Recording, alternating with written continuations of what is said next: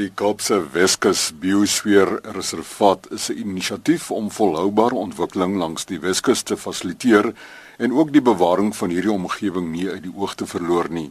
Hier by hulle kantoor op die kruising tussen Darling en Uiserfontein gesels ons met voorsitter Sharon February en omgewingsbestuurder Reinou Pinaar. Reinou, hoe beskryf jy 'n biosfeer? Dit is landskappe wat uh krities belangrik is uit 'n oogpunt van ekologie van die kulturele aspekte as ook die um uh geskiedenis van die area. So um wat die Weskus uh uniek maak en hoekom die Weskus ge geproklaameer was as 'n as 'n biosfeerreservaat is die feit dat dit deel vorm van die die Cape Floral Kingdom en daar ehm um, hierso is plante groei wat op die Weskus voorkom wat wat wat uniek is wat nêrens anders in die wêreld is nie net as 'n voorbeeld daarvan is van die renosterveld, daar strandveld veldtipes en van die van die laer liggende fynbos wat wat krities be, bedreig is. Die onderliggende punt van die saak is om te probeer om uh volhoubare ontwikkelingsbeginsels na te streef. Ja, ons ons trek so van die van die dieprivier in die stad, stad Kaapstad tot en met die bergrivier op Veldrift, so van die N7 af tot en met Dassen Eiland en alles wat daar binne gebeur in daai grense. Ons praat van so 387 000 hektaar en en vyf munisipaliteite wat betrokke is by by wat ons probeer doen. En wat sluit die flora en fauna in hierdie gebied in? Ehm um, in terme van die van die plante groei soos ek gesê het, laerliggende fynbos gedeeltes wat wat krities bedreig is, strandveld en dan 'n uh, renosterveld gedeeltes veral in die Swartland wat waarvan daar baie baie min oor is en dit is uh, ek dink ons omtrent 4% van van die hele veldtipe oor. So dis krities bedreig en ons moet doen wat ons kan om dit te probeer beskerm en dan die dierelewe. Die dierelewe is is meer die die die fynbos en strandveld tipe uh, diere wat wat kleiner is. So ons het duikertjies, uh steenbokkies, elande, ehm um, en daar's privaat reservate en die Weskus Nasionale Park waar nou 'n diversiteit van van ander diere ook is. Ehm um, uh, eland is die hoe kan ek sê die ikoon van die Weskus in terme van diere. Uh, eland is is baie tuis in die Weskus en dit is wat jy ook sal sien in die sanmense se tekeninge. So dis 'n teken dat hulle nog altyd hier was. Sharon en julle vennote? Sonder ons vennote bestaan die biosfeer nie. Onder andere landbouers, grondeienaars, onder andere ons munisipaliteite, individue wat absoluut belangstel, expertise, ons het ons het tegniese mense van elke munisipaliteit wat ons maand vergaderings bywoon. Sonder vennote bestaan die biosfeer nie. Hy het nie bestaan sonder ons vennote nie. Ons is verskriklik baie betrokke by die departement landbou. Uh ons het 'n uh, verteenwoordiger van hulle wat ook op ons op ons raadvergaderings kom bywoon en ons het fantastiese uh ondersteuning van die plaaslike of provinsiale regering. Hulle um, ondersteun ons deur middel van befondsing selfs en ek dink ons op die oomblik in in die Weskaap is gelukkig om befondsing te kry van ons ons provinsiale regering. Um ons kry ook projekte um wat ons mee saamwerk van die departement landbou. 'n Biosfeer is opgedeel in zones. Um ons kernzone is dit wat die beskermde gebiede is soos die Weskus Nasionale Park en hy sit in die middel. Dan om om die uh kernzone is daar 'n bufferzone. En om die bufferzone is daar 'n trans transition zone, transisie zone. So die boere val binne in daai bufferzone. En hulle speel 'n baie belangrike rol in die landskap in terme van beweging van van plantmateriaal en van diere want oor 'n stuk plaasgrond kan daar nog kan nog genetiese uh, beweging gebeur van diere en plante en uh, boere hou 'n uh, uh, ekologiese paaie oop, korridors oop van waar die diere kan beweeg tot binne in die beskermde gebiede en buite kan die beskermde gebiede. So die woord dis in die woord dis 'n buffer om daai beskermde gebied om daai beskermde gebied eintlik te verleng met met met ander met met ekologiese prosesse. So dit is vir ons krities belangrik dat boere ehm um, die metodes wat hulle uh implementeer op hulle grond uh so uh, omgewingsvriendelik as moontlik kan wees. Net 'n voorbeeld om uh stroke natuurlike plante groei te los tussen punt A en punt B op jou grond sodat diertjies kan beweeg van van 'n waterpunt terug na 'n uh, 'n boom toe net 'n voorbeeld of uh, die die um gifstowwe wat hulle dan gebruik dat dit iets is wat wat omgewingsvriendelik is en ideaal om om om dinge te doen van 'n heeltemal organiese oogpunt af sodat daar nie 'n uh, besoedeling van die watertafel deur te veel kunsmis is nie en en en dis meer en om goed soos uh eilbokse op te sit om jou jou uh muise te vang in plaas van om gif uit te sit vir hulle. UNESCO het ook die mag om soos wat hulle dit noem vir jou te delist. Wat beteken jy is dan nou nie meer 'n biosfeer nie.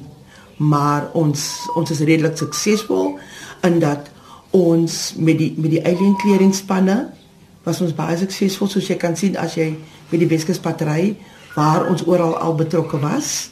Um ons is ook baie betrokke met eco education waar ons spesifiek konsentreer op skole om om awareness te skep tussen kinders want dit is maar waar dit moet begin.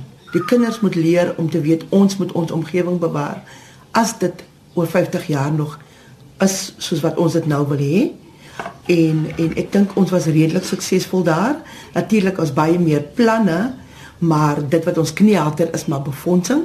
Ons moet maar uitgaan en en, en onsself verkoop en ons suksesse aan mense verkoop sodat hulle belangstel en dis wil belê in die biosfeer en in dit wat ons doen. Um, ons grootste projek uh, is die uh, uithaal van indringerplante. Dis dit word befonds deur die departement omgewingsake en ons grootste uh, indringerprobleme is is uh, Port Jackson, uh, Acacia saligna. Hy staan soos die hond op haar se rug deur die Weskus en um, ons wil hulle almal verwyder sodat die natuurlike plante groei kan terugkom en dat daar areas is wat dan kan gebruik word vir um, uh, verantwoordelike boerdery in plaas van daar nou 'n blok Port Jackson staan. So dit is 'n projek wat wat 'n groot werkskepingsgedeelte daaraan het en ons het omtrent 96 mense wat dwars oor die Weskus wat dan in spanne werk om hier onder die plante uit te haal. Dan ander goed wat ons doen is so Sharon genoem het is bewusmakingsveldtogte. Ons werk saam met munisipaliteite tans in Saldanha Bay waar ons die bewusmaking uh, met skole en gemeenskapsorganisasies hanteer vir 'n uh, herwinning die herwinningdiens wat die munisipaliteit uitrol aan die mense. Dit help nie die munisipaliteit probeer herwinning doen maar die mense kan verstaan nie of het nie regtig 'n 'n wilskrag en 'n en 'n 'n motivering om en 'n en 'n en 'n goeie verstandhouding van wat dit behels en hoekom dit belangrik is nie. Ons maak seker die mense weet uh hoe om dit te doen en ons maak seker die kinders raak betrokke sodat die kinders hulle ouers half aansteek. So ons doen goed soos uh herwinningskompetisies tussen die skole waar waar die leerders die geleentheid kry om om uh kunswerke te maak met met uh, herwinbare materiaal of hulle maak uh, goed wat hulle kan gebruik, weer kan gebruik soos iets in die tuin of iets in die huis en ehm um, hulle is baie opgewonde daaroor. So as daai ding dan in jou ouers se huis staan na die tyd dan herinner dit hulle sodat uh, herwinning 'n leefstyl kan wees. Daar's nou, nou uit die aard van die saak baie areas wat ons dan nou skoon maak en ons sal graag daai areas wil rehabiliteer um, gouer eerder as wat dit wat mense net daar los om self terug te kom en dit vat baie lank. So ons sal in 'n tweede fase graag 'n kwekery wil stig waar ons um, uh, inheemse bome en inheemse in, in, in, inheemse plante kan kweek en dan soos wat ons die indringerplante uithaal op mense se grond dan uh, plant ons uh, jy weet uh, materiaal terug wat veronderstel is om daar te wees, maar om dit op die been te kry het ons eers 'n paar randiewers nodig. Sharon, en wat is julle verantwoordelikheid op die seefront? Op op die kusgedeeltes het het ook ons aandag nodig, maar op hierdie stadium kan ons onmoontlik daaraan aandag skenk bloot omdat ons nie die noodwendige befondsing het daarvoor nie.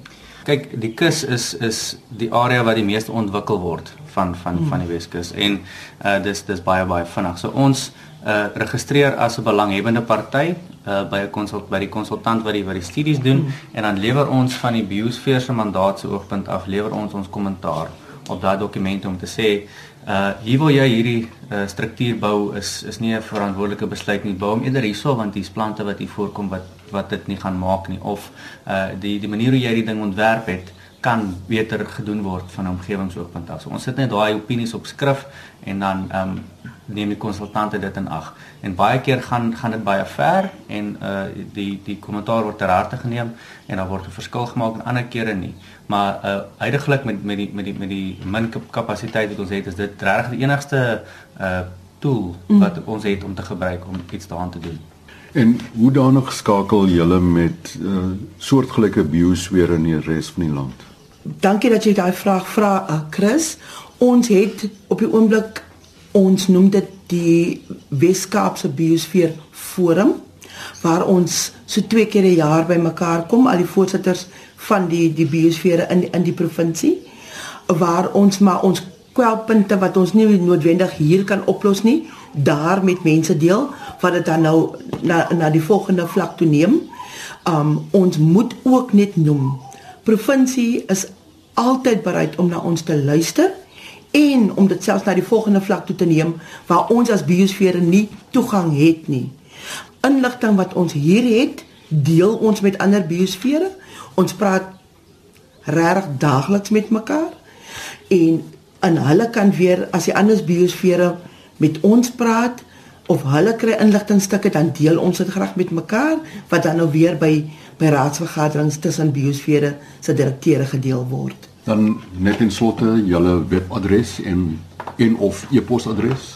Okay, so ehm um, julle kan gaan na uh www.capewestcoastbiosphere, wat sê wat dit is. En op daai bladsy uh, sal julle sien daar is 'n uh, 'n link vir trails. Ons het 'n trails projek ook waar ons staproetes doen op die Weskus en uh, ek wil graag vra dat dat dat die publiek gaan kyk daarna. Daar's uh, dis dis opwindende 2 en 'n half dag stap. Daar's 'n 3 of 4 verskillende pakkette. Hulle moet asseblief daarna gaan kyk. Ek moet dit net noem ons ons ons staproetes het almal groen vlag status. En jy stap met 'n gids en ons reël alles vir jou. Ons het vanoggend gesels met Reynou Pinaar en Sharon February, beide van die Kaapse Weskus Biosweer. Die webadres www.capebiosweer.co.za en die kantoornommer 022 125 0050 022 125 0050 vanaf die Weskus terug na Johannesburg